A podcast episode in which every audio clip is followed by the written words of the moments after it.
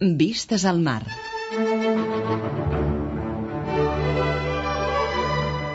Vistes al mar. Una mirada als nostres músics.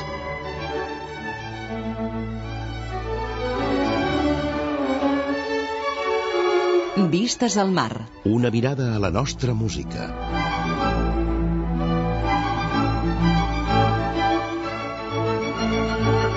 Vistes al mar. La música i els músics que han fet història al nostre país. Vistes al mar. Un programa realitzat i presentat per Xavier Xavarria. Bona nit i benvinguts a una nova edició de Vistes al Mar, el programa que Catalunya Música dedica a la música catalana, a la música i als músics que han fet història al nostre país, però també als protagonistes de la vida musical d'avui dia, els que la dinamitzen i treballen dia rere dia des d'àmbits molt diversos. Per començar, rebeu una cordial salutació dels que fem el programa d'avui, Miquel Jario a les vies de so i qui us parla, Xavier Xavarria. Avui volem dedicar el nostre programa a un ofici molt relacionat amb la música, però que no està ben bé en poder en mans dels músics. No són músics els que l'exerceixen. Un ofici que té una difusió important, tribunes públiques, influència a través dels mitjans. Un ofici que bàsicament opina, dona opinions sobre la música i els músics i, per tant, té un poder inequívoc sobre l'opinió pública, sobre els aficionats a la música. Avui a Vistes al Mar parlem de la crítica musical.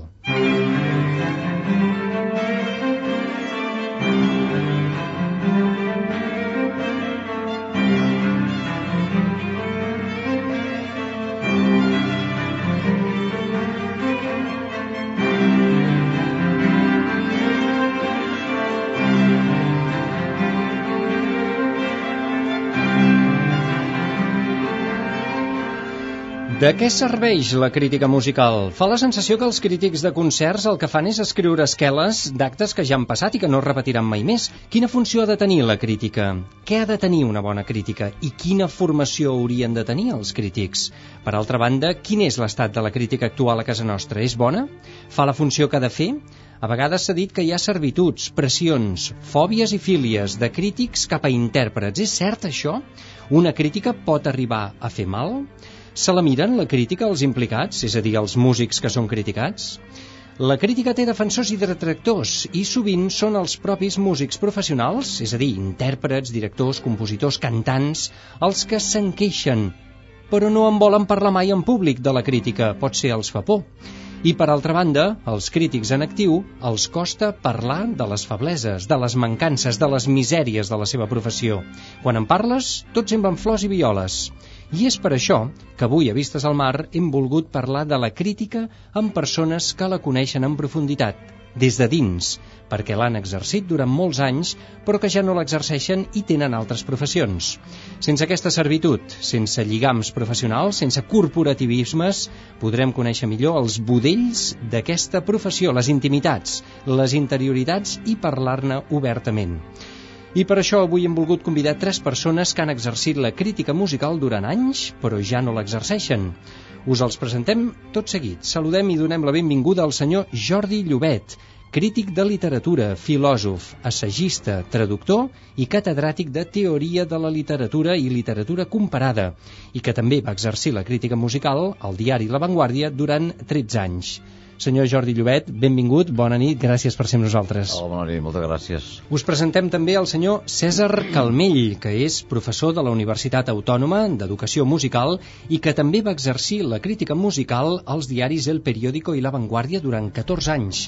César Calmell, moltes gràcies i benvingut. Gràcies, us dono molt les gràcies d'haver-me convidat. Gràcies per ser amb nosaltres novament i haver acceptat aquesta invitació. I finalment també saludem i donem la benvinguda al senyor Joan Anton Cararac, que és director artístic del Festival Internacional de Jazz de Barcelona i de l'empresa The Project, i com a crític de música clàssica i de jazz va començar el desaparegut diari de Barcelona, d'on va passar després al periòdico on durant gairebé 20 anys i fins al 2007 es va responsabilitzar de les crítiques d'òpera. Senyor Cararac, bona nit, gràcies per ser amb nosaltres. Bona nit, gràcies a vosaltres. Per començar, hauríem de plantejar la pregunta clau. Per a què serveix la crítica musical, si és que serveix d'alguna cosa? Quina funció hauria de tenir? La, la crítica musical serveix en essència perquè una persona o dues, melòmens, o més o menys melòmens, més o menys aficionats, tinguin entrades de franc per anar als concerts. Aquesta és la, la, la primera de les, de les qüestions evidents. Per Aquestes quals, persones en qüestió són els crítics. Són els oi? crítics, sí. És, això, per això serveix, és molt important perquè se suposa que un crític és un aficionat a la música, és a dir, algú que li agrada, no únicament aficionat, sinó que a més a més li agrada, per tant, entraria en la definició de melòman.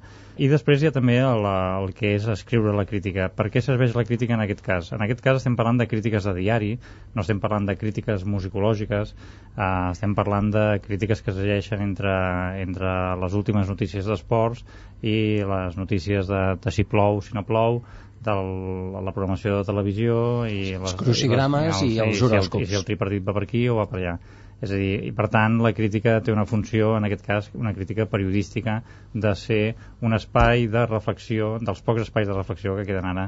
També tenir la sensació que, tret de l'òpera, que és el cas que es fa estrena i que després hi ha més funcions, eh, en aquest sentit sí que és una, es fan crítiques de coses que han passat, coses efímeres han passat i, i per tant i, tu pontifiques però, però no hi ha manera de, de, de, de rebatre's o no. I llavors la, la música és això, la música es fa i, i es fa I i, desapareix. desapareix. i desapareix. Però, clar, la, la crítica per què serveix? Serveix perquè el lector pugui tenir una informació del que està llegint i pugui tenir uns estímuls que li recordin, si ha estat al concert, li recordin al concert on ha estat, o si no hi ha estat, li faci pensar en un concert al qual no hi ha pogut anar i en aquest cas sempre la qüestió de la marca és el, el mateix crític, la firma la firma del crític que el lector a pesar del que molts directors de diaris es pensen, que el lector no és una persona gaire informada, el lector ho és i el lector és intel·ligent i, i el lector sap, quan busca una firma i troba un nom, sap què li dona aquest nom. Senyor Llobet, per a què serveix la crítica musical? Home, jo el que penso és que, mm, per l'experiència que vaig tenir aquests 13 o 14 anys que m'hi vaig dedicar a l'avantguàrdia, eh, vaig arribar a la conclusió, aviam, que per als intèrprets, eh, si són, sobretot si són estrangers, si venen de fora i se'n van a casa seva, doncs no serveix de res, ni, ni ho veuen, no? Si són d'aquí, home, serveix per ajudar gent jove, la veritat, i jo amb la gent jove que comença vaig ser sempre tan magnànim com vaig poder, no? I els ajudes, i són nois que doncs, han fet una carrera, després uns quants l'han feta i els que eren bons doncs, han tirat endavant. Vaja, en aquest sentit serveix per, per esperonar les persones que, persones que estan començant i crec que, que en aquest sentit, doncs, potser parlarem d'aquest tema, no es pot ser del tot objectiu, perquè una persona jove, per definició, l'has d'ajudar. És, és, és, la, és el que ha de fer tota persona. Una mica, mm, això que té un càrrec així, és una responsabilitat, i posarà unes línies en un diari, i l'ha d'ajudar. En aquest sentit, doncs, potser d'aquesta, té aquesta funció. Ara, després, em vaig adonar, molt curiosament, que la més divulgada que té de funció és que els, la mateixa gent que ha anat al concert l'endemà, al cap dels dies, quan sortia la crítica, miraven si el que deia el crític coincidia o no amb la idea que ells havien fet aquell concert. I aleshores feia molt feliços el que tu escrivies, els que, ah, mira, jo penso el mateix, que aquella interpretació de la tercera de Beethoven va ser horrorosa, i eh, que, com l'ha encertat aquest crític. I si tu deies una cosa que no estava d'acord amb, aquell, amb allò que ell havia experimentat durant el concert, deien aquest crític que, que s'ha figurat, que s'ha pensat si allò va ser esplèndid i ara s'ho està carregant. És a dir, hi havia una mena de diàleg tàcit amb els que havien assistit al mateix concert eh, que, bueno, en realitat no passa d'aquí. És a dir, com acaba de dir en Joan Anton, aviam, si una cosa la fessin durant dos mesos a Barcelona, un espectacle musical, tu podries avisar amb temps, com passa amb el cinema, mirin, això doncs és una zona val o val molt, està molt bé, o té aquests defectes, i, i preparin-se, i, bueno, i potser val la pena gastar-se els 20 euros que costa, els 30, els 50, o no val la pena però clar, això passa una mica amb la crítica d'òpera, una mica, malgrat que ja sé que poden canviar els repartiments i aquestes coses, però en canvi amb la, clar, amb la música sinfònica, instrumental i tot això, és un concert que es fa un dia i per tant la teva crítica mai pot servir, és evident que no pot servir per orientar el possible espectador futur d'aquell concert, no? Home, a la llarga, si has parlat molts anys bé de la, de la Maria Jo Pires o del Michelangelo Benedetti, que, que se'n parla més bé habitualment, i del Maurizio Polini, potser la gent acaba dient, mira, sembla que aquests pianistes són molt bons perquè això quan, passava. Quan tornin a venir, Quan tornin a venir aniré, no? exactament. Quan tornin a venir aniré. I això és un fenomen que va passar una mica, eh, va passar una mica amb alguns pianistes que eren desconeguts, com la Pires, concretament, que vam començar a parlar molt bé els crítics de Barcelona i es va crear una piromania, una piresmania, vaja, que no és el mateix. Una piresmania no és el mateix. Que, Doncs s'ha propa s'ha propagat, eh? S'ha propagat, propagat, perquè hi ha sí, pir Pires però- mania en aquesta ciutat, eh? Fixa't, sí, ja ho sé, però, però ara està equivocada, perquè la Pires ja no toca que bé. La Pires s'ha tornat molt... Efectivament. Mandrosa? Melosa. Molt melosa. No, mandrosa no. Melosa. Melosa, melosa. Què vol dir melosa? Molt tova, home, s'ha tornat molt tova. S'ha tornat molt, molt taoista, està amb això del Confuci, el Tao i el Tao Te King. I això ha afectat a la seva manera de tocar? Clar, home, va començar amb Turquia la cosa, va començar amb un amant turc i després la cosa ha anat cap Orient, saps? I ara ja estem en unes dimensions amb la Pires que ja t'agafa els, els nocturns de Chopin i no es poden sentir, eh? I algú en parla d'això? No. Les crítiques que hi ha actualment Clar. de la Pérez va venir l'altre dia, ara fa unes setmanes, a, sé, a tocar. Si jo Totes les crítiques van ser si jo hagués eh, continuat, monuments. Hauria, hauria presentat aquesta evolució, perquè me n'he donat, me n'he donat per, per, per les gravacions que hi ha. Pot ser un crític no s'atreveix a parlar malament de la Pires amb tot el que el porta al darrere. Ha passat que Perdó, perdó, jo se me'n n'han- vaig anar, se n'han de- adonat, eh, després n'ha vingut un altre, i De com que l'altre no se'n recorda de la Pires dels anys doncs, 70-80, doncs li sembla estupendo. I clar, no veu el contrast. I, veure. I això amb discografia sí que es veu, eh? Tu t'agafes les versions, de, els recordeu, el primer Mozart que va fer la Pires, Preciós. que és preciós, que és extraordinari, doncs clar, i compara-la amb els últims nocturns que ha fet de Chopin, o aquella guirria que ha fet aquella cosa sobre Schubert, que es diu el viatge no sé què. Eh? Oh, sí, Le Voyage Magnifique, sí. Le voyage Sí, magnifique, Le Voyage sí, Magnifique. francès. Sí, Le voyage impromptus de magnifique. Schubert. No, amb Schubert, que no, si encara fos un alemany, però en fi, i que, que ja no es pot escoltar allò. De fet, de fet, als anys 80, el crític de New York Times, que suposo que sortirà en aquesta, en aquesta conversa, Harold Schoenberg, va fer una crítica demolidora de- d'un recital de Maria Pires a, Als anys a- 80? Als anys 80, sí, sí. anys 80. sí, sí. Va ser molt famós i, de fet, la Maria Pires en va parlar fins i tot en entrevistes. Harold Schoenberg va fer una crítica demolidora sobre la manera de tocar el piano Bueno, de que Maria ja Pires. En, el- en el moment en què tocava sí, sí, sí. bé. Estem eh, parlant de... No? Jo no, no he sigut mai piròman, diguem Senyor Oh. César Calmell, per a què serveix la crítica segons vostè? Home, jo la crítica, a veure, la crítica és, és un exponent més de que al voltant del fet musical, eh, el fet musical ha de, ha de suscitar eh, una reflexió. En principi, tot fet musical és un fet cultural. Llavors jo penso que la crítica és una manera de prolongar el discurs musical més enllà d'ell i fer una reflexió del que significa doncs, aquell, per la gent que hi ha anat, pels assistents i per la, pels aficionats en general, fer una reflexió sobre el, el voltant del fet musical. I això sempre és altament interessant, perquè sobretot sabeu que, esclar, la música, esclar, en si mateix s'expressa musicalment. I falta aquest contacte de la música amb la societat a través de poder aplicar el llenguatge natural a esdeveniments musicals, no? Si és bo, si és dolent, per què ho és, perquè, perquè el que fa tot això és en, vull dir, eixamplar el panorama cultural. I en aquest sentit la música, jo penso que la crítica musical penso que té un paper important. Fixem-nos, no sé, anant lluny, o sigui, l'estrena de- del Tannhäuser a França. Esclar, si tu llegeixes Baudelaire, l'article que diu Baudelaire sobre... sobre esclar, allò, per mi, que, és un lector molt posterior a l'època, allò és altament re revelador de tot un, tot, tota una problemàtica cultural que ha estat teixida al voltant d'aquell- d'aquella estrena. I això és molt interessant. Això és molt interessant jo penso que, que és una manera de, que, de fer la música, de, de sortir del seu esoterisme sonor i passar-lo a ser doncs, una, una, una una qüestió més social de la qual se'n parli. O sigui que penso que la crítica fa aquest paper, o hauria de fer aquest paper, i que penso que això ho continuarà fent. Però estem parlant d'una reflexió que es proposa a les persones que han assistit al concert. Ens oblidem els que no hi han assistit. Només està enfocada a les persones que han assistit a un concert, la crítica musical?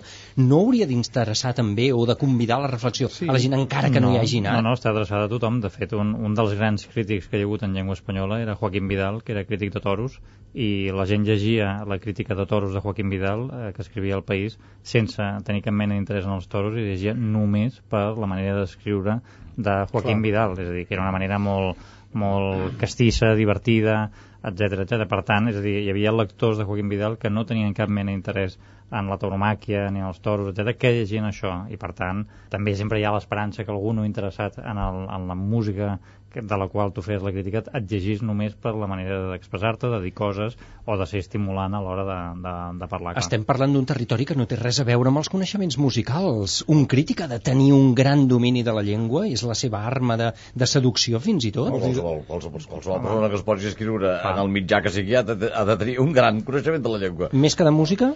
No, però equivalents, n'ha de saber... Vull dir, si et poses a escriure el que, del que sigui, has de saber escriure.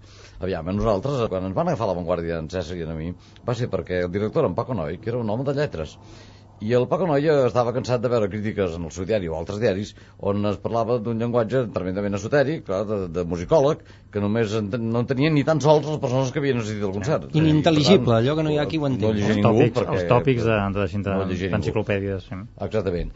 I va dir, no, el que m'interessa és que el, agafar persones que tinguin molta cultura general i que siguin bons melòmens i en última instància doncs sí que sàpiguen una mica de musicologia que és el cas més d'en César que meu però dir, bueno, jo també ets una mica de música i toco un instrument i, i en César en sabia més i per això en César es va encarregar sempre més de la música més complicada d'analitzar que és del segle XX i jo feia la cosa que també culturalment coneixia més bé que és la tradició del Monteverdi fins a, fins a finals del XIX o fins a Richard Strauss, una cosa així no? vull dir que eh, llavors si entrem en aquest terreny, fixa't bé que és el terreny de, de, de vincular la música com ha dit en César que és la idea que ha dit que, que, que era la, la que teníem nosaltres, no? Allà, que això va crear una certa escola, va crear una petita escola, em sembla a mi a Barcelona, que el fet musical és un fet cultural, pots parlar amb uns termes que fan que eh, l'article el pugui llegir no solament les 2.000 persones o 2.500 que són el fonament de la sala de concerts, sinó que el puguin llegir, doncs, no sé, diré, diré les 400.000 persones que compren la Vanguardia, unes quantes desenes de milers de persones, molta més gent que la que, que no pas la que va anar al concert. Ara, això només ho aconsegueixes si montes la crítica donant una informació de tipus cultural general, que és exactament el que va fer Baudelaire quan va parlar del Tannhäuser. Va dir, bueno, aquí hi ha un fenomen nou, era interessantíssim, era importantíssim, el va saber vincular a la seva època, la cultura cultura del seu temps, a, a la qüestió social, a la qüestió alemanya, a la germanofília. Eh, doncs nosaltres, jo, en César i jo almenys ho fèiem, el que procuràvem era vincular tot el que, a més de parlar, que jo ho feia sempre al final, eh, de la interpretació, això, perquè ja dic, no, això no servia per res, en realitat, que és de criticar una interpretació d'un Rostropòvic o d'un Karl Richter, d'unes lletres de la Richter, això m'entens, ja no, ja no ve tom. Aprofitar qualsevol avinentesa d'un concert per, per fer una mica de cultura general i per explicar a la gent que la música és un fet no solament sonor, com deia en César, sinó bàsicament cultural. Formar i informar, per tant, també. Hi ha un component Exactament. educatiu també en la, educar, en la, educar, en la crítica. Exactament. No? Un crític ha de dir tota la veritat i res més que la veritat, encara que aquesta veritat faci mal o a risc d'equivocar-se? Penso que la veritat és una qüestió de la ciència, és una qüestió que, sí, esclar, és una qüestió de sí o no, la veritat és, és, una, és una qüestió empírica, no? En el cas del terreny estètic, això és més complicat perquè, és clar, és, és un el terreny estètic és molt més subjectiu, tot i que poden haver judicis més, més o menys ja, objectius i això, això es tracta, no? Però més que de veritat o de mentida, jo penso que sempre el que és important en, la, en, en el crític, la honestedat. La honestedat. I què és la honestedat? Doncs és aquella qualitat moral de, de ser sincer amb el que tu penses que bé, que, que estàs dient, que el que estàs dient doncs respon al que tu realment has sentit. No caure amb, a culpa de pressions externes o per, perquè hi, són, perquè en la crítica hi és, doncs fer dir coses que, que tu no senties en aquell moment. No? O sigui que diríem que sí que hi ha un ofici d'honestedat o deshonestedat. Al, al darrere de l'ofici de crític la, la, la honestedat hi apareix o no Sobretot quan? Sobretot quan, bé, quan hi ha grups de pressió importants, grans eh, interessos de, de, diguéssim... De des del propi mitjà o des de fora, externs? Jo diria que els, els dos tipus, perquè els mitjans també d'alguna manera tenen una, hi ha un paquet de persones que són, bueno, que s'han de dir, s'hi ha de dir coses i que estiguin bé i dels, dels mitjans d'extern, externament a vegades també ocorre això. Sobretot estic pensant en el tema de les estrenes. Les estrenes són complicades, és un tema, si vols, l'estrena és un altre capítol, perquè no és el mateix sentir una, una sinfonia de Beethoven i parlar-ne, també t'arrisques molt menys, però en canvi amb una estrena eh, vull dir, allò és complicat. És complicat perquè eh, allò, si això s'hi afegeix que tu coneixes el compositor o tens una certa relació amb ell has tingut una relació, clar, també et sap greu allò actua com un filtre que et coarta, que no t'inhibeix una mica de dir la veritat de dir el que has sentit. I per tant, doncs, aquest cúmul de pressions, clar, és, és difícil això. Llavors és quan, quan realment el crític ha de recórrer en aquestes elisions, al·lusions, ironies, eh, que s'escapin una mica per trobar el, la sortida. Però penso que jo insisteixo, la feina és important. La feina és important perquè, perquè, bueno, perquè és útil. Socialment penso que és útil. Eh? És útil en dues facetes. Una, eh, la, la part informativa. Per això sempre penso que això és una altra part que pràcticament ha estat oblidada dels concerts de música clàssica, que és la part prèvia, o sigui, el que en diem el, la preparació del concert. Que jo penso que això els mitjans de comunicació s'haurien de tornar a plantejar seriosament perquè parlar prèviament d'un concert és una, una labor altament educativa, pot fer. Uh mhm. -huh. I després el judici, ja, que és al final, doncs, però, però, però sí que és veritat que l'honestedat en aquest cas és, uh, vaja, és fonamental, és fonamental. Uh mhm. -huh. Ja ens hi hem ficat de ple. Uh, pressions, eh, servituds, realment quan s'exerceix la crítica des d'unes tribunes públiques de tanta fortalesa i envergadura com vostès van tastar, -hmm. eh, se'n reben de pressions per part del propi mitjà o exteriors? Aviam, jo volia... No parlem de l'autocensura que deia el senyor, Mm. el senyor Calmell, que en algun moment deia hi ha un propi filtre que un posa a l'hora de no fer mal a alguna persona que probablement coneixes. Més enllà d'això, hi ha pressions? Sí, bueno, eh, jo volia acabar amb una cosa que has encetat amb en César perquè m'interessa molt. Això sí pots dir la veritat i tota la, i tota la veritat. Clar, eh, és el mateix que he dit abans, la pots dir si, si no has de fer mal a ningú, perquè són gent que s'amaga a ser després. Jo recordo un concert que va fer el, en Weissenberg, Alexis Weissenberg, encara deu ser viu, bueno, va venir un dia a Barcelona que, doncs, que no es devia trobar bé, vaja, que un mal dia, però un pèssim dia, eh? un concert lamentable, però absolutament catastròfic, eh? cosa que va notar mm, tothom, des dels més experts fins als més inexperts de, de la, del Palau de la Música. I en acabat me'l van anar a presentar, perquè va designava, segons qui era el promotor i tot això, i, i em va, li, li van dir vinís el crític de La Vanguardia, i va dir en Weissenberg que sé que demà farà vostè una crítica terrible contra aquest concert que he fet, diu, però farà molt bé de fer-ho, tindrà tota la raó si ho fa. Això per, per part seva va ser elegantíssim, vull dir, la veritat, i llavors vaig, vaig ser menys cruel del que hauria pogut ser, perquè va ser una catàstrofe, és dir, va perdre la memòria, va perdre els estreps, dir, no, va, ser, va ser una veritat, una, vaja, del pitjor que, que, que he sentit i que més pena m'ha fet en una sala musical. En aquests casos, doncs sí, doncs ja està, ho dius, perquè si el mateix és músic t'ha dit, sí, ho reconec, escolti, digui. Ara, allò que deia abans, m'entens? Si jo veig un noi o una noia jove que comencen i que toquen l'oboe o toquen el fagot o el violí o el clarinet o el piano, no m'atreviria a ser cruel. És a dir, hi ha un filtre, hi ha una mena d'autocensura pròpia d'un crític? Això no, sigui, no és que sigui autocensura, això és caritat cristiana, m'entén? Vull dir, no, això és... Però no hauríem de dir tot el que hi ha? Pot ser uns músics joves que- No, no, home, no, no, però dir-li, doncs, bueno, assenyalar que hi ha hagut alguns defectes, però que pot anar més bé, i llavors això sí, agafar-lo a banda, li truques, li telefones, li dius, mira, noi, jo he notat això... I Sí, vostè això. és partidari d'aquesta sí, relació, sí. també? Sí, home, clar, de, de, de, públicament deixar-ho molt bé i, donar i ajudar-los i després parlar amb ells i dir, no, no creus que hi ha hagut aquest problema, això? I et diran que sí, diran, sí, home, tens tota la raó. Però ja està, surten amb una crítica favorable, que l'ensenyen a les tietes i els oncles i la família, vull dir, no, no, no és cap bestiesa, això, m'entén? No és cap tonteria, això, això, això ajuda, ajuda la gent. I, perdó, i pel que em deies de les pressions, doncs sí, a vegades hi ha pressions. Aviam, els promotors particulars, un Sàbat, un Prats, etc. Tots els promotors d'això... D'aquests grans cicles, temporades, Ibercàmera, sí. eh, Euroconcert, etc. Jo mai hi vaig tenir ni la més petita pressió, mai. Cap, cap d'aquests eh, promotors. Ara, quan es tracta d'una cosa lleugerament o molt institucionalitzada, com passava amb el Pla de la Música, he de dir que no me'n vaig assabentar, però, és dir, perdó, a mi no m'ho van dir, però sí que em vaig assabentar que hi havia hagut unes certes pressions per eh, la manera com tractava bueno, una cosa que estava, no estava ben bé vinculada a l'Orfeó, ni molt menys, però estava vinculada al Plau, que era l'OCB, l'antiga OCB, l'Orquestra Ciutat de Barcelona, que, que jo era molt més crític en Montsalvatge, perquè eren uns anys de, de bastant de penúria de l'Orquestra de Barcelona, i llavors aquí sí que es va crear, perquè això, són institucions, m'entens, barcelonines, catalanes, catalanistes, nacionalistes, i hi ha tots aquests elements. I, i quan hi van entrar aquests elements, sí que t'asseguro que, que, que, que em vaig sentir pressionat, no directament, però, però en fi, al cap d'un temps doncs, vaig saber que, que el diari rebia pressions per veure si jo rectificava la meva manera d'actuar. Sí, és veritat, ha, de pressions n'hi ha hagut sempre. Llavors, parlant abans de la, la moderna OBC, eh, el Liceu, els segons quins cicles del Palau. Eh, jo sempre explico una anècdota respecte d'això de la honestedat i deshonestedat. De, de, va coincidir en, el, en els dies, en 15 dies, va haver-hi dos concerts. Un era de Montserrat Cavaller i l'altre era de l'òpera a la universitat, que es feia l'òpera a la Universitat de, de la Suprema Carme Bustamante, que tenia els seus alumnes i feien òpera gratuïta al pati de la, de la, de la, Estudiants de la de- universitat. de nivells Sí, avançats, recordo etcètera, que, sí, no que justament a l'avantguàrdia no eren ni el César ni el, ni el Jordi, va sortir una crítica excepcional del concert de la Cavaller, que, que estava espectacular, que estava... Recordo jo fet una crítica relativament demolidora amb les meves eines, dient que, en fi, que no, no em semblava que hagués cantat. Un, va fer un recital, realment no el vaig trobar del tot adequat al, al que estava fent.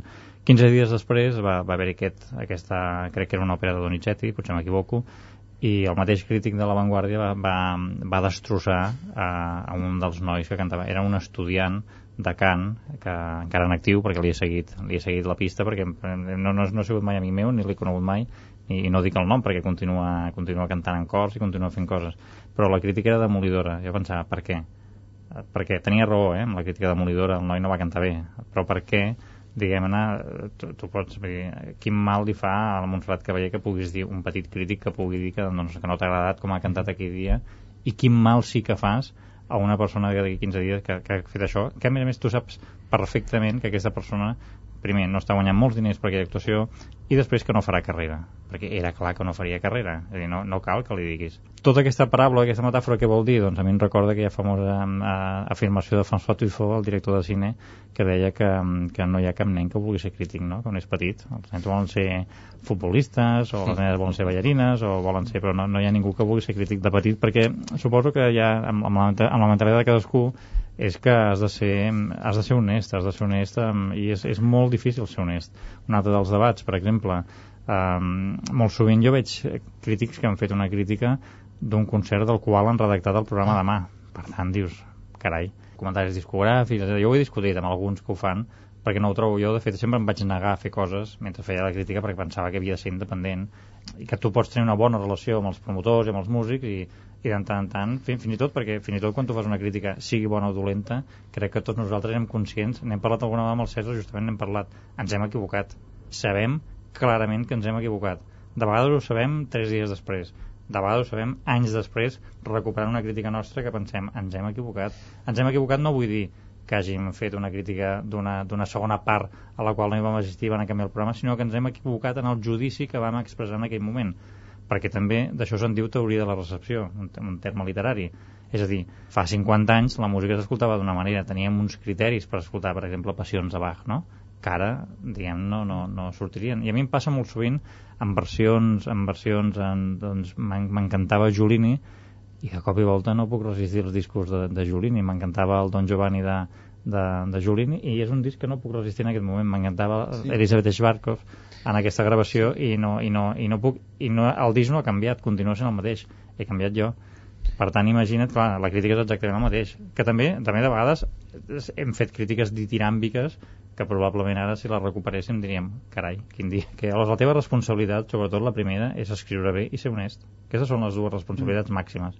Des del, prim, des del moment que hi ha molta gent que no escriu bé i des del moment que hi ha molta gent que no és honesta en aquest sentit, també després podem parlar de les retribucions dels crítics, eh? és a dir, no hi ha ningú que tingui pugui un sou viure, no? de que crític i es pugui dedicar a això. És a dir, un tema que em sembla que farà, que farà sortir. És a dir, per exemple, anar a, anar a veure un director amb l'OBC, que és l'orquestra de temporada de Barcelona, i no poder anar, no anar a veure els assajos, com ha treballat, com ha plantejat la feina que ha fet, com ha treballat amb les seccions, ara matar, ara no sé què, especialment amb, amb partitures més complicades, no? Més un Missien, per exemple, per anar a fer la crítica d'un concert de l'OBC, per exemple, és recomanable o s'hauria de poder exigir que el crític assisteixi al procés de treball, jo de creació i als assajos? Com més informació tens, millor. El que passa que, evidentment, el, els preus que es paguen les crítiques Això no, pots, no pots enviar ningú molt sovint aterres al concert, el crític ha aterrat al concert i aterra en aquell moment a veure el concert i, i no, no sap... I... Professió delicada aquesta de fer de crític de música.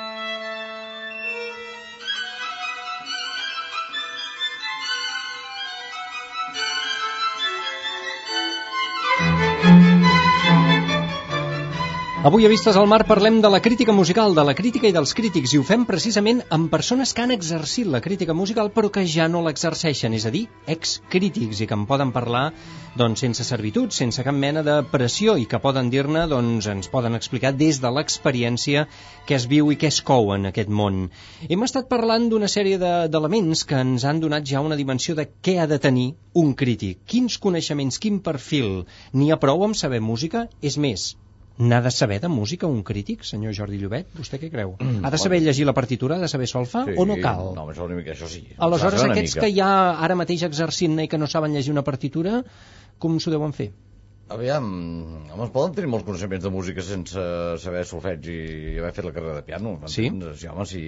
Mira, l'Ojino Trigues, que acaba de fer un llibre que es diu El canto de les sirenes. Li agrada aquest llibre? És el discutiria, perquè de tant en tant, doncs, clar, en terrenys que són més re- relliscosos, doncs es torna impressionista i, i, i, i navega lleugerament, però té moments molt brillants, perquè, clar, sobretot quan té un suport textual al darrere, que és el que li passa sempre a la gent de lletres. La gent de lletres, quan agafa una partitura que té un suport textual al darrere, com és una òpera, ho té molt fàcil, perquè, m'entén, pot parlar del Parsifal i veu tota una història que és medieval, que és llegendària, que és cristiana, que és d'una redempció, etc etc.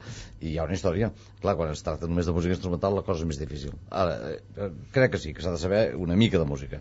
Eh, però, però insisteixo, en Paco Noi ja sabia, que jo era molt blòmen, que sabia una mica de música, que tocava la flauta travessera, per tant llegia una partitura, jo estava molt acostumat eh, temps enrere quan havia anat molt a París o a Londres a comprar sempre la partitura que, que això és un costum molt sa que tenen aquests països que al hall hi ha una persona que et ven una partitura per un preu doncs, molt més barat que l'entrada i per tant la pots comprar i pots seguir el, pots seguir el concert. Bueno, i ho sé fer i, i per tant en sabia un mínim. Ara aviam, trobo més important que sàpiga totes les coses sobreafegides vull dir, tot el context que hi ha més enllà de la música. Que sàpiga història, política història literària, història de l'estètica que sàpiga història de la pintura, eh? fins i tot, vull dir, és una enorme quantitat de coses i com més en sàpiga millor. Perquè això ara ho podríem plantejar també respecte doncs, a la literatura o, la, o qualsevol altre art o la pintura, et diria el mateix. Et diria, per fer crítica d'un sector artístic és importantíssim saber tots els altres perquè estan ficats en un context que són els que expliquen els grans canvis estètico-culturals que es produeixen al llarg de la, de, de la història de totes les arts. Mm? Eh, Per entendre Monteverdi has d'entendre les categories del, del tard al Renaixement italià i per entendre Vivaldi has d'entendre que era estar treballant per unes nenes que tocaven el violí en un orfenat de Venècia al seu moment i per entendre Bach has de conèixer Luther però, però mm, una biografia has de llegir com a mínim vull dir, i, i llegir-te la Bíblia que va traduir ell sí, i llavors entens una mica doncs, quins textos agafa Luther i etc. I tot això s'ha- de tenir molta més cultura que la musical insisteixo, per tant, que la musical és important però que s'ha se n'ha de tenir molta més per poder fer bona crítica Coneixements transversals, podríem dir. cultura, abans en dèiem cultura general era més discret així. Per tant, m'imagino que això que diuen, home, el millor crític d'un concert de música clàssica hauria de ser una persona, un músic professional. Jo no no, no, no n'estic del tot segur. Ho tenia més clar fa uns anys, però realment no sé si m'estovo també, però no veig les coses així. Jo veig que, en realitat, a veure, quan nosaltres llegim una partitura i la seguim amb la, seguint la fil per randa, d'alguna manera hem d'anar a buscar uns, uns llocs que són els que tenen conseqüències musicalment. O sigui, tu saps que en una, partitura, i sobretot si és per orquestra, hi ha llocs que són de farciment, que són ràpids i que no... En canvi, això t'ho dona més l'escolta que no pas la lectura. O sigui, quan tu escoltes una obra musical, l'esprit sintètic que té l'oïda, aquest sentit aquest d'anar directament al gra, et fa trobar els punts que realment són importants en una partitura. Que si tu et perds amb la ferramalla de, de seguir la partitura fil per randa, això ho has de descobrir però costa molt més. O sigui que jo penso que eh, tot crític el que ha de tenir és una oïda molt educada. Diríem, jo penso que això sí. Que sigui destre amb la lectura, pot ser que sí o pot ser que no. Lectura musical. Amb la lectura musical. Mhm. És una eina més, una... però jo crec que, que es tracta sobretot de tenir una oïda molt fina, i quan dic l'oïda fina vol dir això, ser capaç de dir, bueno, pues, a veure, amb això que sento, quins punts importants hi ha en aquesta obra, i, i, i com s'encaminen cap a aquests punts la música. I això eh, s'adquireix més per l'educació de l'oïda, que podria passar, olímpic, jo penso que es podria passar sense l'audi- l'audició visual. Això m'ha fet pensar això, el que, que tinc col·legues i companys músics, que mm, passa tot el contrari, que de vegades el fet d'aquest aquest terrible esprit analític que se'ls hi ha desenvolupat els fa incapaços per entendre sintèticament, oralment, el que està passant allà.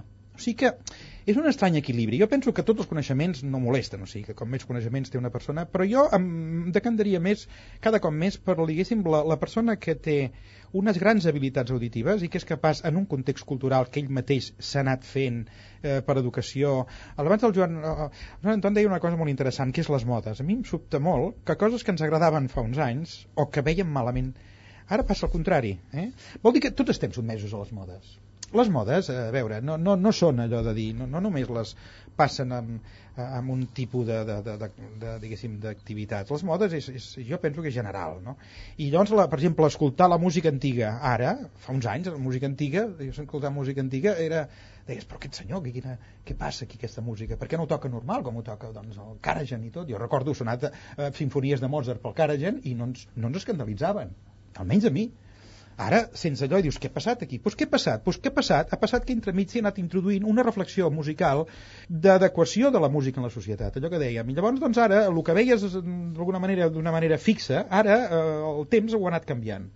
Sí que penso que això. Sí que, dic, que, que diríem que a nivell auditiu, en el nivell auditiu jo penso que un crític no té per què ser un músic, músic, músic en el sentit estricte d'un intèrpret, ha de tenir coneixements musicals, però sobretot jo penso, insisteixo, ha de tenir una vida molt fina i sobretot una capacitat rela relacional d'aquell esdeveniment en, en tot un context ampli de, de, de manifestacions pictòriques, de, de pensament, de ciència fins i tot. Eh? Hi ha molts aspectes de la música que s'entenen millor si un és, eh, té coneixements científics.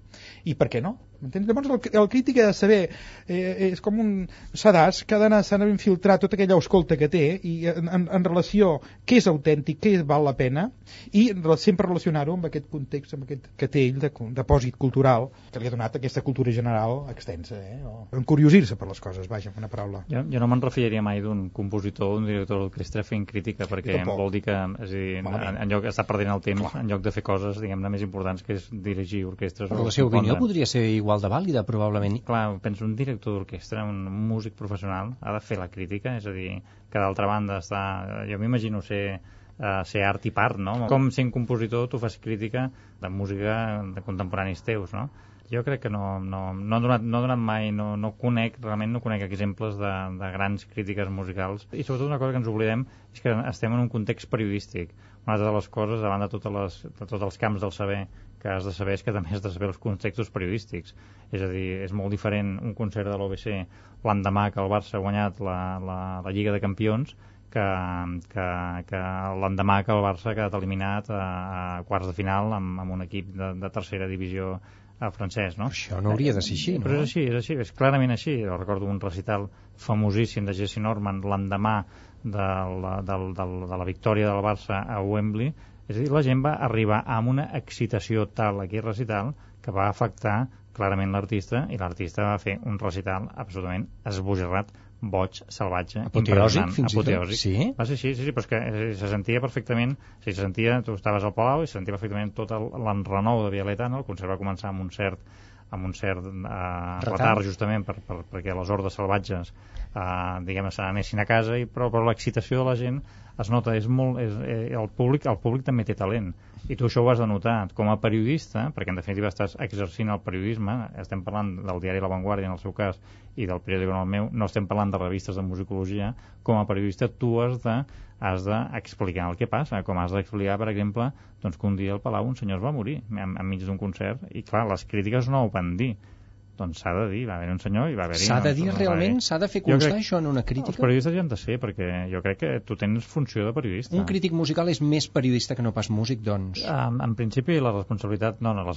la responsabilitat amb el diari és que si passa alguna cosa, uh, anècdotes famoses com aquesta, els, els festivals a l'aire lliure, doncs, clar, és a dir, tu molt sovint fas les prèvies abans d'això, no sé què, ha tocat, aquesta nit ha tocat, clar, l'endemà surt publicat que Barenboim ha tocat a parlar i aquell dia ha plogut i el concert de la, de la West Eastern Divine, no, de l'orquestra, s'ha cancel·lat. Per dir, has de trucar al diari a la una i dir, escolta, uh, la prèvia fora, fora, que no, no, el, el concert s'ha cancel·lat i no ha sortit. Uh mhm. -huh. I has de, has de ser, has, has de fer aquest esforç, perquè evidentment un diari, ja en aquests moments la crítica ja està arraconada cada vegada més als diaris, perquè abans el César parlava de les prèvies, que també són molt importants. És que en aquests moments informació musical real eh, no n'hi ha. És a dir, tot, les prèvies que hi ha tots són farcides de tòpics. Sí. És difícil realment buscar aquesta cosa, de més a més, que, que, que porta la música. La, la música és un efecte, és una, és una manifestació cultural cultural, de cultura general i de cultura transversal, digue-li com vulguis, però hi ha moltes coses. I també hi ha gustos i també també retrata les èpoques. Comentàveu que probablement un director d'orquestra o un músic fins i tot no, no, és, no, és, no és la persona que estigui més capacitada per fer, per fer crítica, però els propis músics a vegades diuen qui és aquest senyor, què s'ha pensat que és aquest senyor, si no sap tocar ni quatre notes amb el violí i com es creu capaç, capacitat toma, toma per, fer, sí, sí. per fer una crítica o per opinar sobre un recital d'un violinista. Sí, Crec, que, crec que aquest debat l'hem tingut tots, perquè de vegades vas a fer un, una, un concert de can, una, has fet una, un concert de Can Gregorià, l'endemà vas a fer una òpera de, del Van Berg i, i dos dies després estàs fent una crítica d'uns un, concerts per oboè de Vivaldi, és a dir, com, com una persona pot arribar a això. Però clar, aquesta pregunta que sempre es fa... No, no, senzillament és que Sí, sí, no, ni no, no, conèixer però la pregunta. És a dir, estem parlant dels periodistes esportius juguen, juguen a futbol. Els periodistes gastronòmics són, gran, són grans cuiners. Els, els periodistes, dir, tots els exemples, abans hem posat l'exemple de Joaquim Vidal. Jo Joaquim Vidal no vaig veure mai sortir a la plaça, bueno, no, no he vist ni a Joaquim Vidal ni a ningú, perquè no he A anat mai a una plaça, no? no? mai a una plaça de toros. Però vull dir que, és a dir, no, també, també els toreros li deien això al Joaquim Vidal, quan feia aquelles crítiques salvatges li deien, pues vento a torear aquí, no? Eh, evidentment un músic ens ho pot dir ens ho pot dir a, a, a mi que no m'ho diguin perquè si surto jo a tocar el saxo que és el meu instrument al Palau diguem-ne trencaré un edifici centenari però és que no té, no té sentit són dues coses completament diferents Està molt bé el que dius. Eh, jo penso que un crític el que saber és escriure. Sí, sí, Abans no, ho això dit el Jordi, una perso- un, ha de saber escriure. El discurs és un, seguir un discurs i aquest discurs ha de tenir un ordre, està endreçat, ha d'haver-hi... hi ha exemples, perdona César, hi ha exemples de, de crítics que se li, se'ls refà a l'article, és a dir, envien l'article i l'article està refet de dalt a baix, és, completament. De tan mal escrit que de està. tan mal escrit que De està. N'hi ha, n'hi ha exemples per, encara, encara en vigor ara. Vull dir, En vigor són- vols dir sí, en tots, actiu? Tot, En tot, actiu tots els diaris, totes les redaccions de diaris saben qui són la gent que escriu realment molt malament. I hi ha gent que fa... Sí. És que fa N'hi ha 15 algunes anys que no les deuen que no les hi ha deuen algunes corregir, que no, que no, hi ha algunes que no corregeixen, efectivament. Hi ha algunes que no corregeixen. És a dir, la, hi, ha, hi ha un crític que durant molts anys, hi ha un crític de teatre, no diré el nom, que durant molts anys no va saber que en anglès, com s'escriu theatre, no? Sempre confonia, sempre, sempre s'equivocava en la E i la R del final. Sempre, De? National Theatre. Sempre Ah. s'equivocava a l'hora d'escriure theatre, no? És a dir, que, que s'escriu amb RE i no ER. Sí. Hi ha un crític també que es va escrit durant anys i anys i anys li agrada molt la paraula exuberante. Sempre la va posar Mac, sempre la va posar Mac, fins que un dia algú li va... Clar, Amb és a dir, H intercalada o, o, H, no, no, o el consement? No, no, no, no, no, no, H intercalada. Aviam, són, són, anècdotes, són anècdotes una mica tontes, no? Però, són anècdotes, però, però demostren, diguem-ne, que, que realment el, el, teu, el, teu, el, prim, el teu primer deure és realment escriure bé. Sí, I escriure un cop escrius bé, intentar-ho fer amb, amb grapa, amb gràcia, és a dir, perquè deia, estem en un diari i també estàs buscant l'atenció del lector que està que té molts estímuls És dins abans que res diari. un gènere periodístic, la crítica musical. La dels diaris. La La- dels diaris, òbviament, diaris, perquè estem sí. parlant de la dels diaris, no estem parlant de la crítica musicològica, de la qual se'n pot treure molt de profit No, no, no, no. i, i ja... De totes maneres, que un artista parli de la seva professió està bé també. O sigui, històricament et dona una informació. Jo no sé, ara, per exemple, l'Otto Runge, mateix, aquell pintor romàntic, Sí, sí. no té un llibre interessantíssim sobre, sobre els colors, la teoria dels colors, seguint Goethe i tal.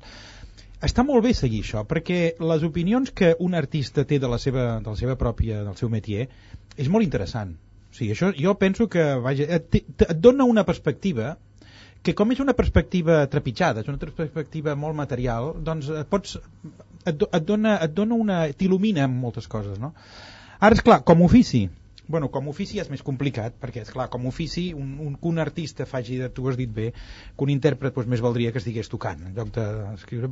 Ara, si ho fa bé, en el sentit que cap, cap objecció, però en el sentit, aquests artistes que són capaços d'haver deixat un testimoni eh, literari de la seu art, el cas del, no sé, jo estic pensant ara, per exemple, amb la, les memòries de Delacroix, que són una joia, i és, és, és, un, és un Sí. home, que, pintor, que, que pensa sobre el seu art, i a més pensa sobre altres artistes. O l'anàlisi I de... música, la-. Sí, sí. I Berlió, Les memòries de Berlió, que són les memòries, les memòries de Ah, Berlió. o l'anàlisi de Messiaen dels, dels Sí. concerts per piano de Mozart, Clar. que són, que són realment... Sí, això t'ajuda molt. I, no, i, i, i són Exacte. literaris, són, és, Ah, és una exacte. obra literària. Això és relativament excepcional, eh? És a dir, Sí, aviam, dintre del món de les arts hi ha un tòpic, però, però que és pura veritat, que els pintors, per exemple, són molt curts des del punt de vista intel·lectual. És a dir, que són que tenen una gran capacitat visual i que poden fer-te meravelles amb una tela, però que no saben explicar-te res de res. I això és, és molt habitual, eh? Hi ha hagut excepcions, com Kandinsky, la que tu has dit, etc.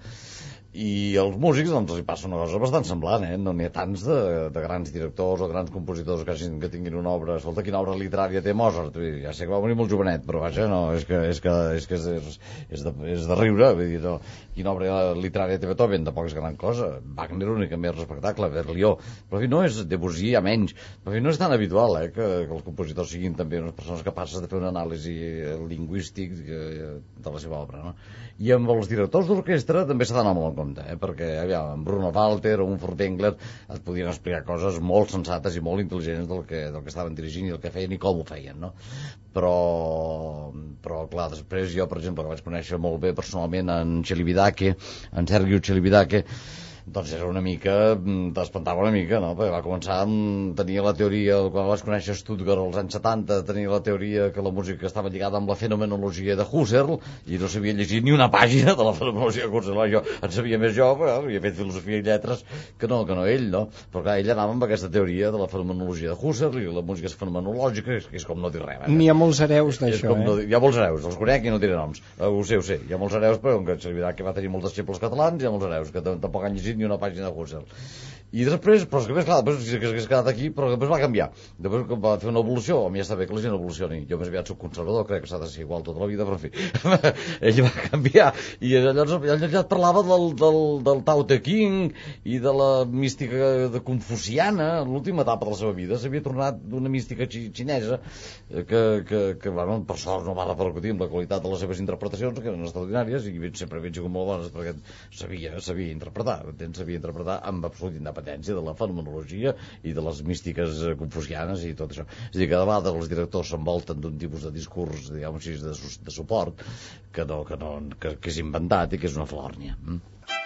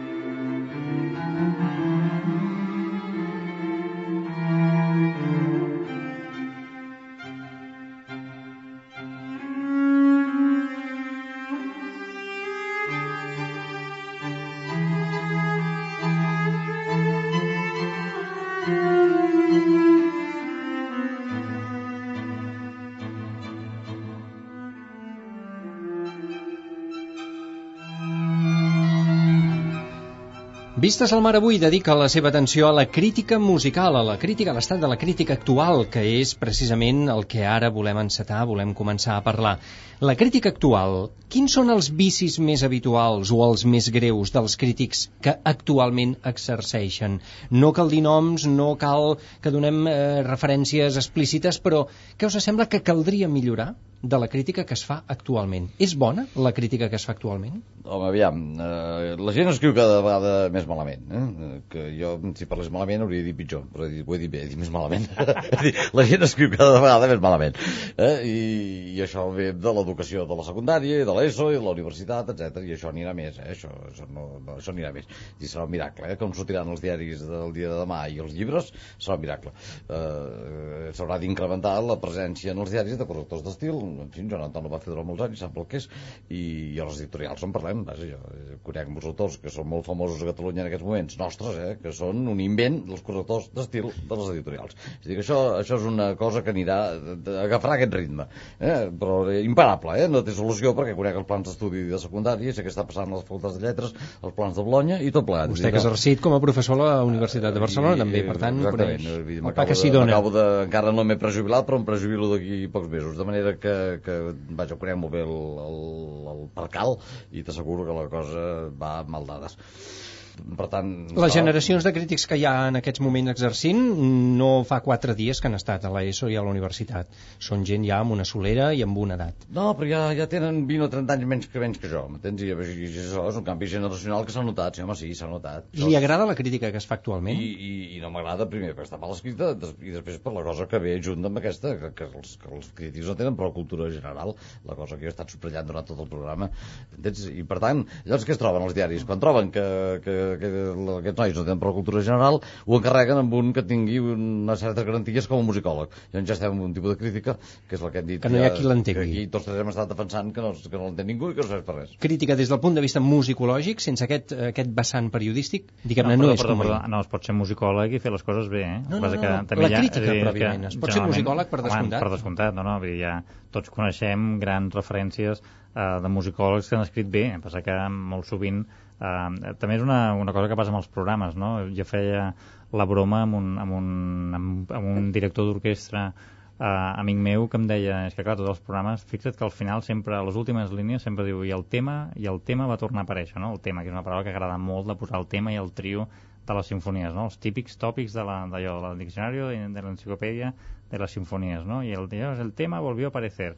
Sempre, sempre això agrada molt, no? El, el tema, la melodia, etc. I aquestes coses, no? I aquí això és en la menor, però la tonalitat puja no sé què, i aleshores, clar, un, un debat que a la gent, a la gent li interessa poc li interessa poc si no expliques què significa això, no? Què això... significa aquest retorn del tema, què significa aquesta...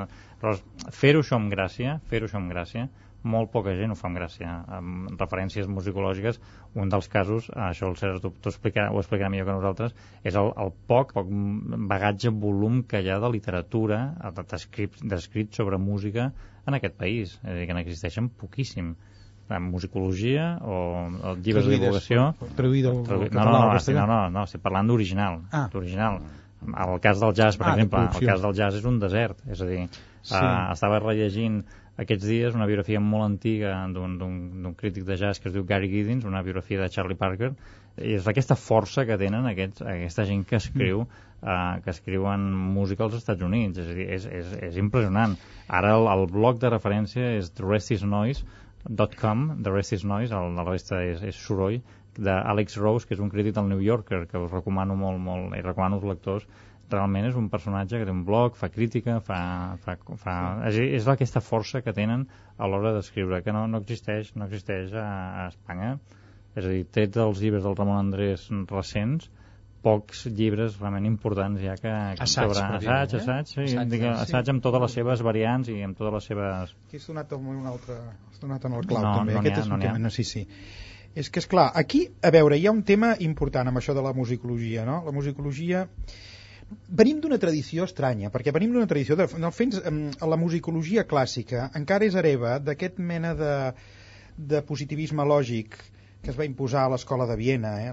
Llavors, Passada la guerra, la Segona Guerra Mundial, resulta que si alguna cosa no es podia fer eren les connotacions culturals d'un fet musical, perquè semblava que allò estava associat al feixisme, al nazisme concretament. Mm. Entens? Mm. O sigui, llavors, els músics, els musicòlegs es van curar amb salut. Manera, fer el que ha fet el neopositivisme lògic, agafar el document musical, centrar-se en ell mateix i veure què donava. O sigui, aplicar les, els principis de l'estructuralisme al fet musical, al document musical, al document escrit una mica per, per evitar tot allò. En el romanticisme, precisament, es venia d'una crítica molt culturalitzada. O sigui, el crític musical, estic parlant de Hoffman, o, o, quants, uh. eren gent que eh, parlaven d'una forma adjectivada de la, de la música, i això era vist, però pèssimament per part d'aquesta gent que va venir després. Llavors, a les universitats, a les universitats nord-americanes, sobretot que va venir aquest èxode de, de professorat sortint de la Segona Guerra Mundial, es va establir allà. Llavors, es va accentuar aquest formalisme esotèric, de la musicologia entesa com, un, com una mena de, de cosa a part. Llavors, això, d'alguna manera, està, està, ja fa temps que està, està sent posat molt en, en, en, en... És a dir, es pot tornar a recuperar aquesta projecció cultural que té la música. I quan dic això, aquest sistema de transversalitats que parlava el Jordi, aquest sistema d'obertura, i s'ha de fer això, perquè els mateixos que d'alguna manera estaven considerats popes en el formalisme, si pensàvem a Adorno o del House sobretot, ja van fer aquesta correcció.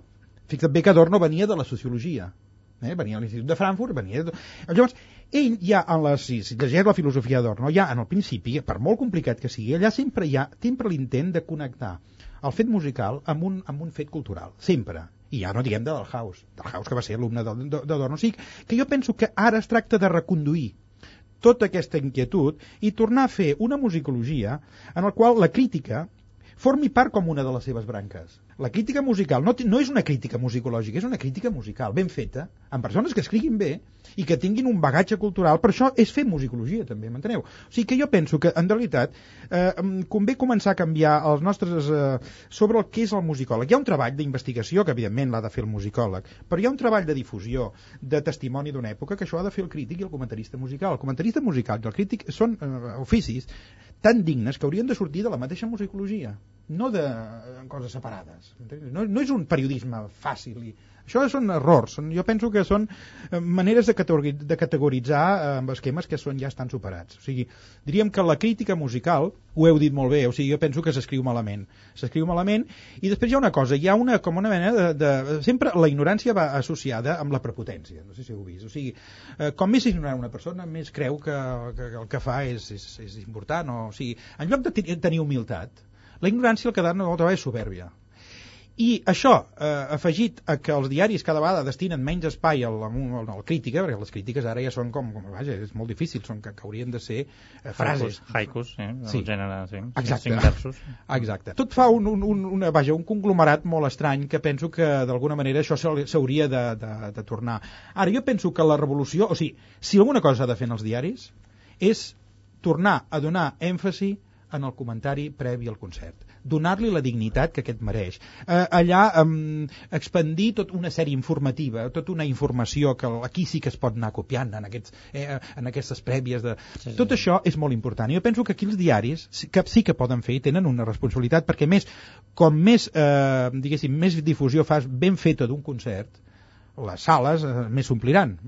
I no es tracta d'aplicar estereotips vulgars i tot, sinó de fer una, realment una labor informativa seriosa, eh, investigador, investigadora, però que això estigués com a previ al concert. Això penso que seria una solució. De tota crec que és una, una guerra perduda perquè justament els diaris la, la, Exacte. la difusió del que és la música culta eh, en aquest cas s'inclourien eh, la música clàssica i el jazz i no ens ha de fer cap vergonya dir música culta per, per, per, per codificar aquests gèneres està cada vegada més allunyada. De totes maneres jo volia introduir el fet que estem parlant de crítica de música clàssica ens estem centrant en crítica de música clàssica.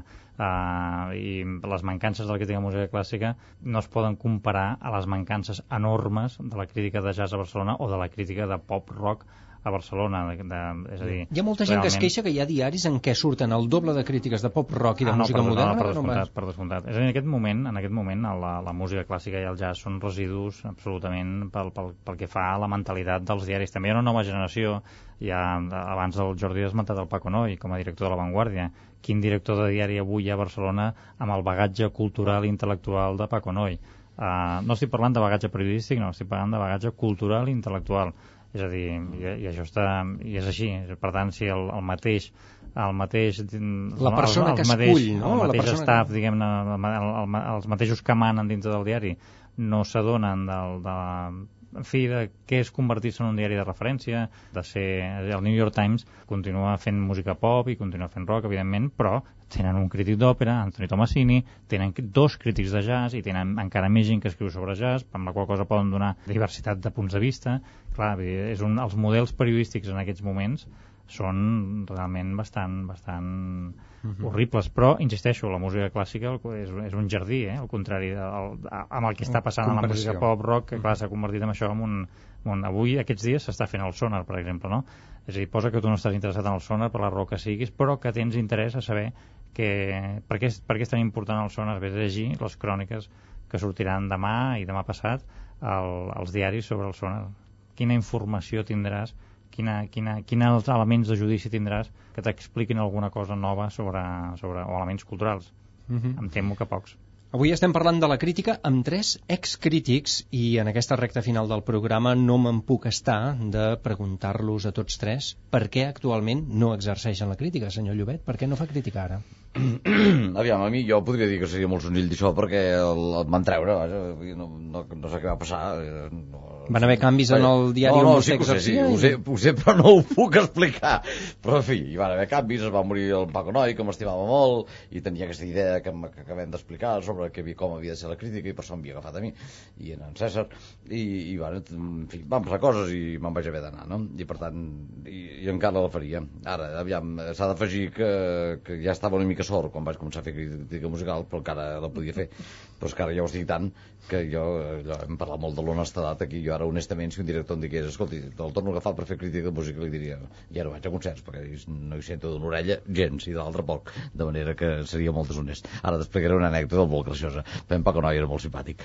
I, i quan em va agafar i em va dir, home Jordi, m'agradaria que fessis la crítica musical. Com que ell sentia poc d'una orella, li vaig dir, home Paco, però és que jo crítica musical, però justament si no hi sento gaire d'una orella. I em va dir, "Oh", no et preocupis, diu, el crític de cine no hi veu. De manera que això, amb tots els respectes pel Paco Noi, que era una gran persona, et donarà una idea de què significa la crítica, del que sigui, és a dir, de cine, de música o del que sigui, en un diari que va al final de tot, espectacles, i que, i que, i que pinta molt més, com tots sabem ara, ja no l'opinió política, eh, sinó com s'ha vist amb el replantejament de les pàgines del país, pinta molt més l'economia, en aquests moments, que és la que obre eh, durant, en 20 pàgines eh, el país cada dia, que no pas la crítica política, i per tant ja no parlem de- d'això de, de, la música clàssica, i de el ni Beethoven, i, res, i inclús en, és i a pintura. i- Residual, Ah, exacte. minoritari, és una mena de racó, Ah, podríem dir això, i aquesta també són els deures que hi ha pendents. Ara, no? perdó, m'ho vaig passar molt bé, vaig ser molt feliç i, i, i vaig conèixer gent extraordinària. No el podem repescar, que senyor tornarà. Llobet, no? No, no, no, home, Ja no. no, puc, ara seria deshonest, Bueno, bueno, bueno. No, no, hi sento, no hi sento ni gota. Però vaig conèixer el millor, segur que no tornarà, eh?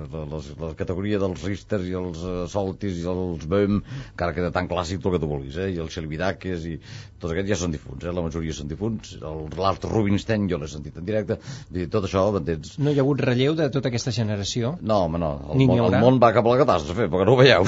No, però el món va en tots els sentits, va cap a la catàstrofe. Jo no sé per què sou tan optimistes. No, tu ho ets perquè ets jove, esclar. Jo, no, jo ho veig molt clar, que això... això lo, lo bo s'acaba. entens? Les raons anirien més o menys per aquí també? Canvis eh, estructurals en els diaris en els quals exercíeu que de cop i volta... us Sí, en el, en el meu cas, un cansament mutu um, i, i de fet ara al periòdico no, no fan crítiques, fan cròniques, no? I, Mhm. No existeix la crítica no musical? existeix com a, no? com a concepte, no, acaben sent Mhm. exactament el mateix, sota l'epígraf crònica o crítica es fa exactament el mateix. Jo vaig ser expulsat també del mateix mitjà amb què estava treballant amb el Jordi. Expulsat és la paraula? Bueno, eh, sí, No, sí, d'un dia per l'altre, dir, així es va anar, en el Sí, cas sí, meu. així de clar. Sí. I- Déu-n'hi-do, quina professió més de risc, eh? Sí. la crítica. A part de que no en pots viure ni en pots I en menjar. aquell moment jo no ho hagués deixat, jo hagués continuat per... Bé, tu saps una cosa, a veure, com has dit molt bé abans, el, el, el, una persona no pot viure de crític, no pot viure de comentarista, no pot viure perquè, és clar com cobres, doncs, per, tot i que en els mitjans que nosaltres estàvem ens pagaven prou bé. Però, eh, és clar necessita continuïtat. Vol dir que això has de compatibilitzar aquesta feina amb una altra. Llavors jo resulta que tenia els crios petits, eh, en fi, era molt complicat, teníem una nena que era malalta i que sempre li costava molt dormir, jo venia tard. O sigui, d'una... Algú, és allò que diu, se'm va tancar una porta i se'm va obrir una altra. Jo penso que la vida, pues, és a dir, que en aquell moment em va fer mal perquè em sabia greu, perquè estava en ple actiu, estava, era, em sentia bé actiu i bé, però, és clar vol dir que em vaig estar menys cansat, que vaig poder fer altres coses, i això també està bé, vull dir, perquè arriba un punt que això de fer doble feina i aquí i allà, i, la, i el, treball de la, el treball de la crítica és, és un treball és estressant, dona pressió, perquè, és clar se't demana que ho facis en un, en un moment determinat, tu tens una sèrie de... Es costa, costa redactar, trobar una fulla en blanc i començar a Sí. escriure, això costa, i per tant, si, si això fos una professió en què et guanyessis bé la vida, doncs endavant, però això no es, no es dona en aquestes condicions, No, no, si, es donen. si ets honest, realment és molt, molt complicat exercir-la. És a dir, Sí. no hem parlat d'anècdotes famoses, un, un crític de, de jazz que és capaç d'escriure dues crítiques de dos concerts que s'han fet al mateix temps. Ui, ui, ui. Això ja és la, Això cosa, ja fa més, pinta ja és la de- cosa més absolutament genial i el, i el diari ho permet. Això, dir, ah, sí? Va en la diari- línia de, de la crítica aquella que surt d'un concert que s'ha anul·lat, no? Sí, sí, Això vam, també vam, ha passat, oi? No millor, cal citar noms. jo crec que és millor fins i tot aquesta, realment, perquè clar, és, és, realment hi ha el crític omnipotent, o sigui, ja, Do de la ja pots ser a tot arreu, no? Uh, o fer crítiques de, que has estat durant 20 minuts en un concert només. Clar, els concerts de música clàssica són diferents, però els concerts de pop-rock, doncs, clar, pots escapar en qualsevol moment. Uh, o, I ningú nota, segons Sí, com. i anècdotes d'aquestes n'hi ha moltíssimes, sí. Déu-n'hi-do, déu nhi déu Avui hem analitzat una miqueta la professió, aquest ofici de la crítica musical amb tres persones que l'han exercida durant més d'una dècada en tots tres casos i que ens n'han donat doncs, aquesta, aquesta visió tan interessant. Agraïm moltíssim la participació en aquest programa Vistes al Mar, els tres convidats que hem tingut avui aquí als Estudis de Catalunya Música.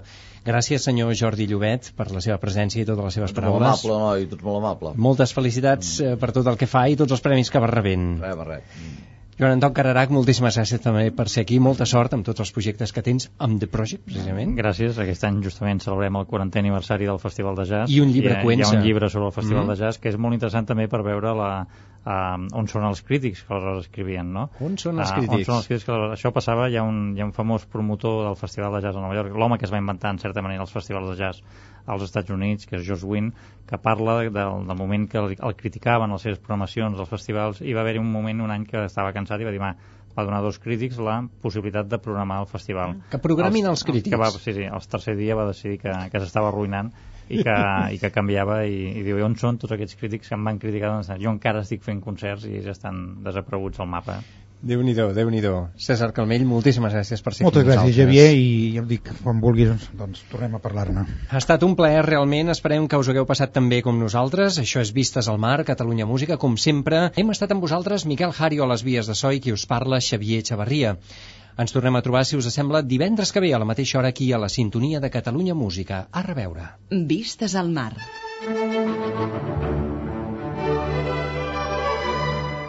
Vistes al mar. Una mirada als nostres músics.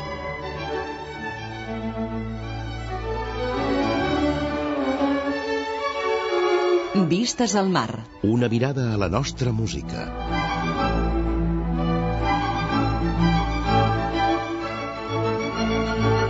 Vistes al mar. La música i els músics que han fet història al nostre país. Vistes al mar. Un programa realitzat i presentat per Xavier Xavarria.